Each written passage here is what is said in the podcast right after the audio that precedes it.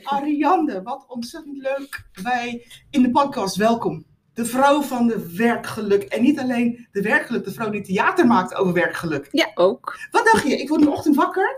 Ehm, en ik ga, een, eh, ik ga een theater maken.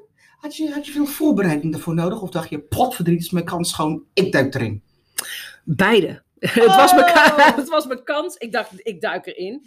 Maar ik, ehm, ik wilde al heel lang een mooie theatershow maken. En ik wilde dat ook doen met mensen in trainingen. Ben ik meestal alleen aan het werk. Dus ik wilde heel graag met een team eh, dat doen. Ja. En dat maakt wel dat de voorbereiding best wel, best wel was. Want er zitten ook eh, allerlei liedjes in en scènes. Dus die moeten wel echt gerepeteerd worden. En die moeten op elkaar afstemmen. En, en het moet doorlopen. Het moet... ehm, ja, echt haktak gaat door. Als je alleen doet, dan kan je iets meer freewheelen, zal ik maar zeggen. Alleen maar. Eh, ja, en daar hou ik ook heel erg van Ja, trouwens. Ik heb ja. ook stukken erin zitten waarin ik die mogelijkheid heb. Mm. Want ik ben wel van het theater maken. Natuurlijk staat theatershow op podium en er wordt gezongen en er zijn sketches. Ja. Maar het publiek doet wel mee.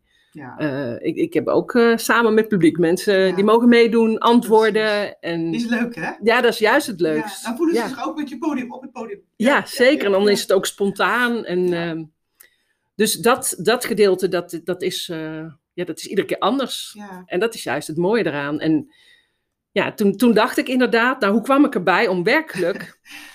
Ehm, het is vooral, ik heb zelf heel veel werkgeluk. En dat ervaar als, ik zo. Maar als ondernemer heb je werkgeluk. Als ondernemer, klopt. Ja. ja.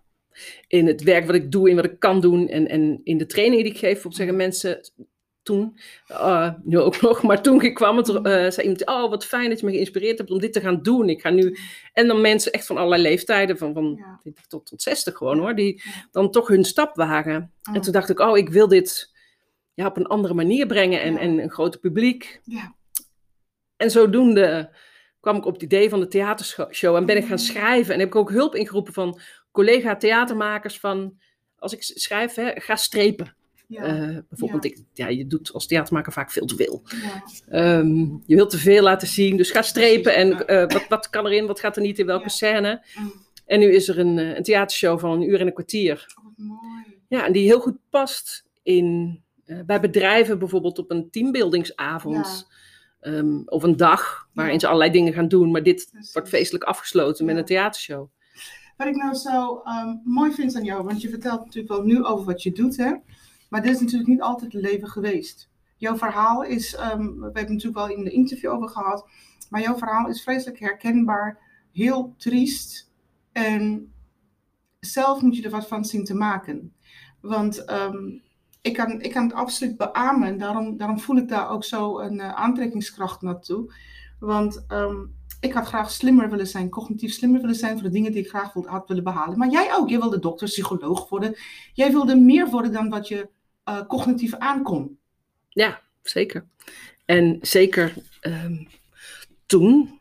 Ik, ehm, ik werd naar de huisartsschool gestuurd. Ik, ehm, nou ja, dat ging allemaal prima.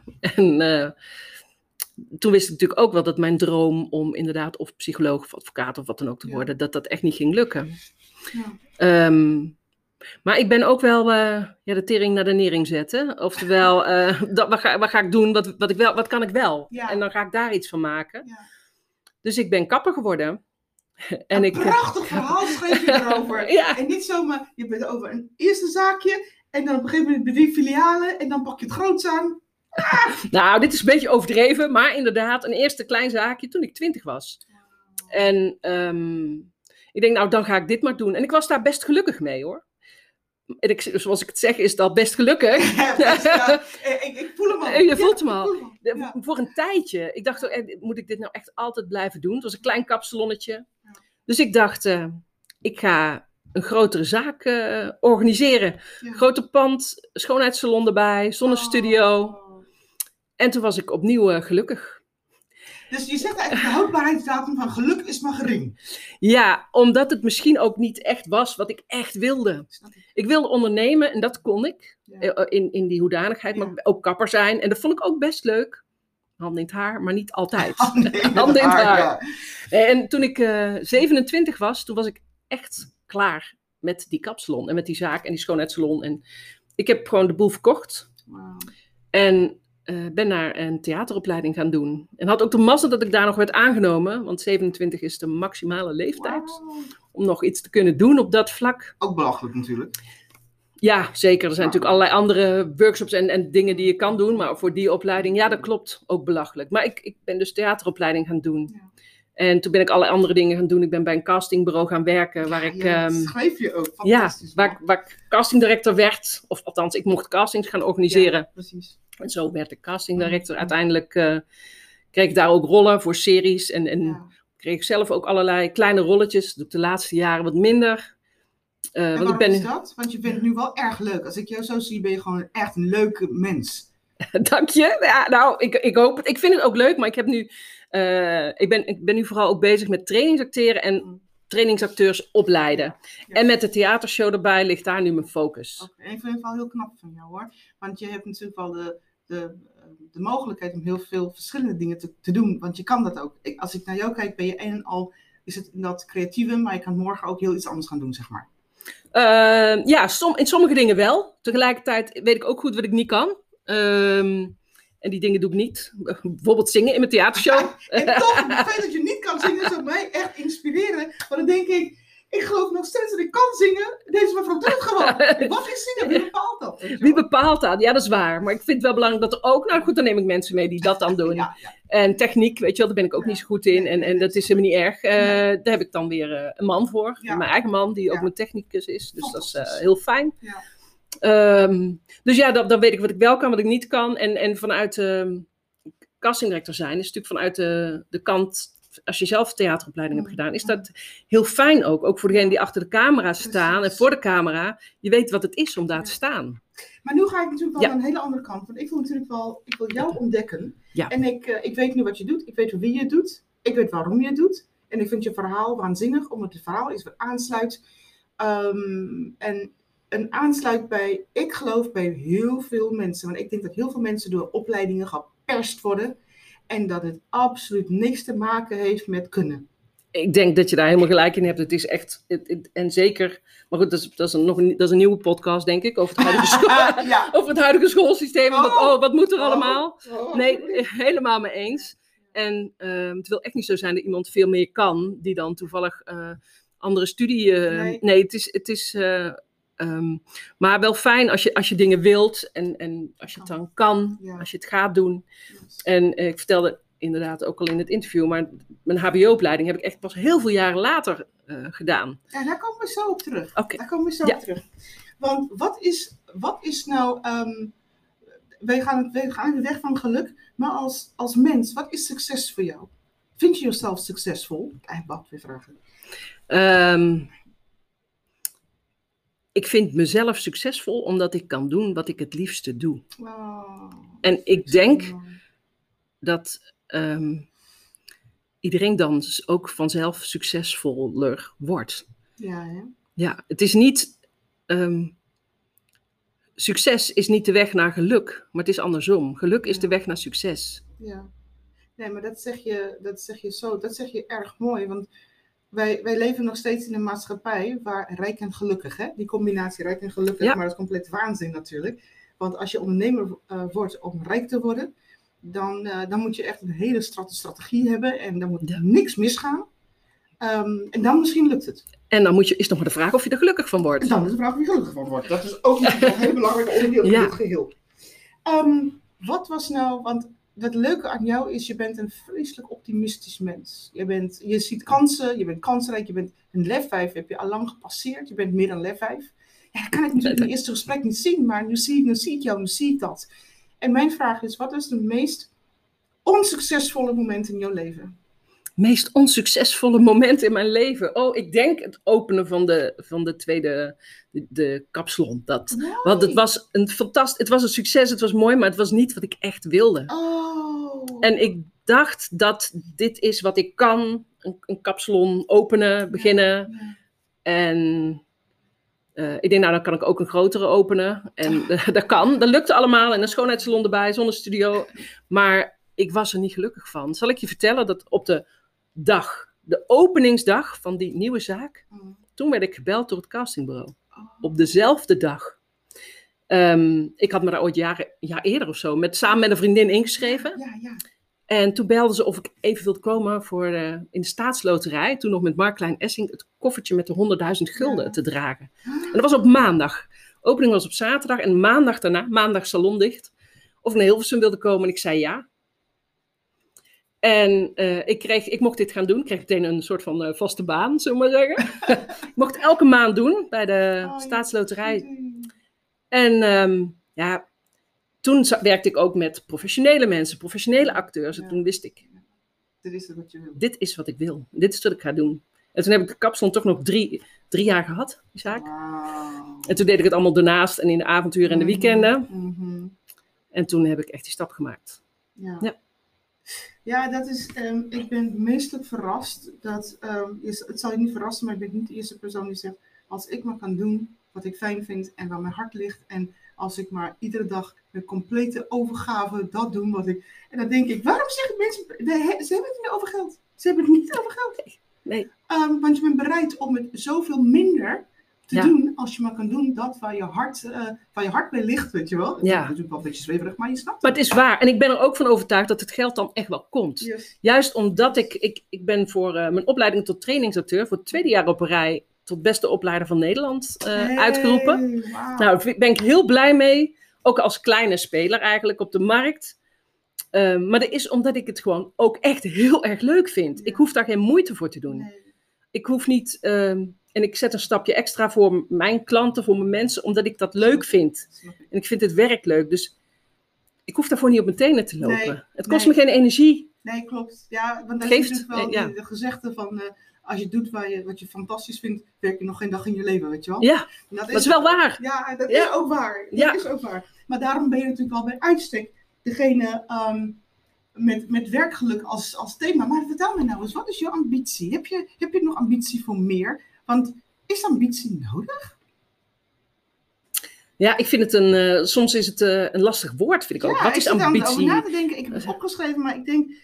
Ik heb al verteld in een eerdere podcast, ik heb geen ambitie. Als ik doe wat ik leuk vind, dan... Is het, is het goed? Een vrouw die ambitieus is, wordt ook al sowieso vaak gezien als iemand die. eh, eh, met haar op de tanden, zou ik maar zeggen. ja, ja, ja. Terwijl dat natuurlijk helemaal niet nodig is. Je mag am- ambitie hebben. Ambitie, ik, ik doe wat ik leuk vind. Ik wil graag nog meer werkgeluk verspreiden. Ik wil de kans om... Dat is een ambitie. Dat is ambitie, denk ik dan. Dat wil ik. Ik wil nog meer bij... eh, ik kwam eh, bij mijn eerste theatershow heel toevallig terecht in de zorg. Ik had het echt gemaakt ook voor ja, ondernemers, verenigingen, voor bedrijven en on- ook organisaties. Mm. En eh, de zorg was de eerste die aan de bel trok. En er waren meteen de eerste vijf, weet je wel. Dus eh, is Dus de vijf theatershow in de zorg. Maar het is, en dat was net voor corona. Dus Ja. er is ook heel veel te doen over werkgeluk. En soms kan je zelf ook niet wel een richting bepalen. Nee, Maar komt het klopt. en pak het zoals het komt. En daar was het heel Ja. welkom. ehm, het verhaal over werkgeluk. Want mensen in de zorg werken met hun ziel en zaligheid. en. Echt compleet met hun hart. En Maar die branden ook op, juist voor die reden. Juist, die branden ook op. Ja, om die reden. En daarom is het belangrijk dat ze hun werkgeluk juist behouden. Want we willen mensen ook niet kwijt in de zorg.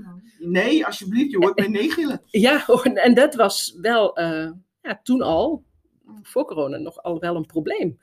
Ehm, Is het nu na corona een minder probleem? Of nou, Nee, oh, ik denk eerder erger. Over daar. Ja, Ja, dus was je bent nog nog- nodiger. ik denk dat ik nog harder nodig ben, ja. En, En, de en, overheid stopt toch wel heel veel geld nu in dit soort mogelijke trajecten. Want deze mensen moeten wij behouden, eh, zelfs uitbouwen. zeker. Ik denk, eh, dat is mooi dat de overheid dat doet. Mm. Maar ik denk dat het ook op kleiner niveau ligt. Managers in ziekenhuizen, eh leidinggevende. Denk mee met je mensen. ehm, Ja. mensen denken ook zelf met je, met je mee als je het wel kan volhouden. Als je daarnaast een andere functie hebt of andere uren, bespreek dat dan. Ja. Want we willen je niet kwijt. Weet je? Nee. Dat, ja.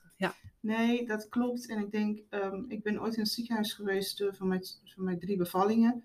En op dat moment wilde ik alleen maar deze mensen hebben die zo lief waren voor mij. En ik dacht, wow, wat zijn jullie goud en goud waard. Ik wil niet dat jullie denken van, ehm, schiet eens op. eh, nee, weet je, dat waren mijn drie momenten daar.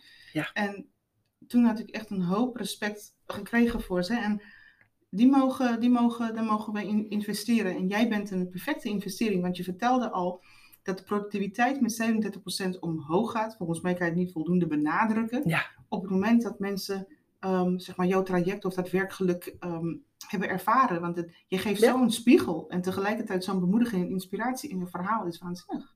Ja, het is- en het is toch wel wat, inderdaad, 37% meer. Ja. En wat je nu zegt, ik, ehm, vlak na de première van mijn theatershow, Mm, wanneer was het? maand 1 juli 2018, dat is de eerste. Ja.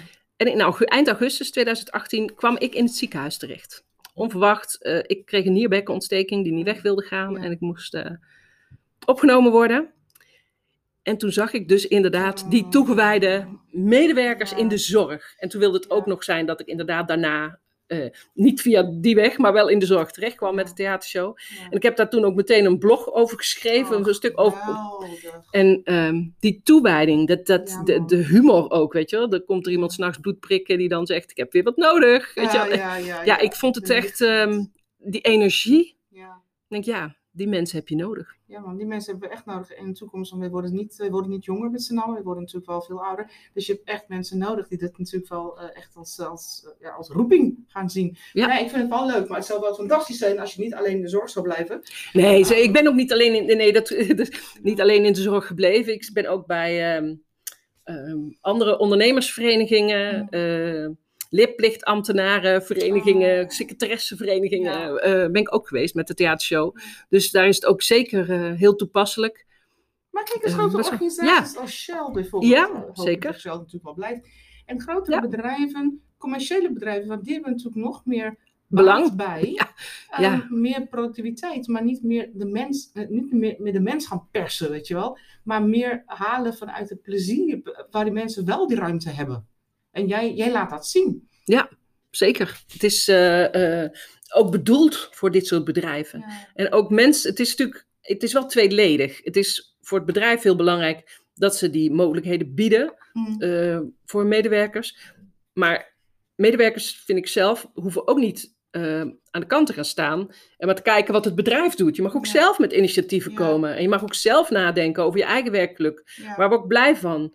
Weet je, dat, oh, dat is volgens mij 87% in die range van de werknemers vindt dat zijn talent niet genoeg wordt benut door, door de werkgever. Oh, ik vind dat gewoon, ja, maar weet je, je, je is toch zonde? Ja, oh, dat vind ik echt zo triest. Daar heb ik, geen, daar heb ik eigenlijk geen woorden voor. Geen woorden dingen bedenken, maar Ja, dat is wel... en, en dat is natuurlijk de werkgever die dan die meer, meer kansen moet bieden. Maar er zijn natuurlijk ook heel veel werknemers die er niks over zeggen. klopt. Je mag ook zelf zeggen, hé, hey, dat kan ik ook, als je mij Ja. die kans geeft. Ja. Dus het is, denk ik, het komt van twee kanten. Ja, maar je mag ook natuurlijk wel ehm, een soort heet jobcrafting. Je mag natuurlijk ook veel meer in een bedrijf kijken waar ben ik, ehm, waar, waar kom ik beter tot mijn recht. Ja. Maar dan is het wel belangrijk om te weten hoeveel ruimte heb je, weet je. En past het ook in dat werkgeluk? Want als je meer kan doen wat bij jou past, word je sowieso gelukkiger. Kijk naar je eigen leven. Ja, dan word je sowieso gelukkig. En dan, dan is het inderdaad onderzoeken. Wat kan er in het bedrijf waar je werkt? Wat zijn de mogelijkheden? En waar word je dus ook nog eens productiever van? Yes. Dus Ja.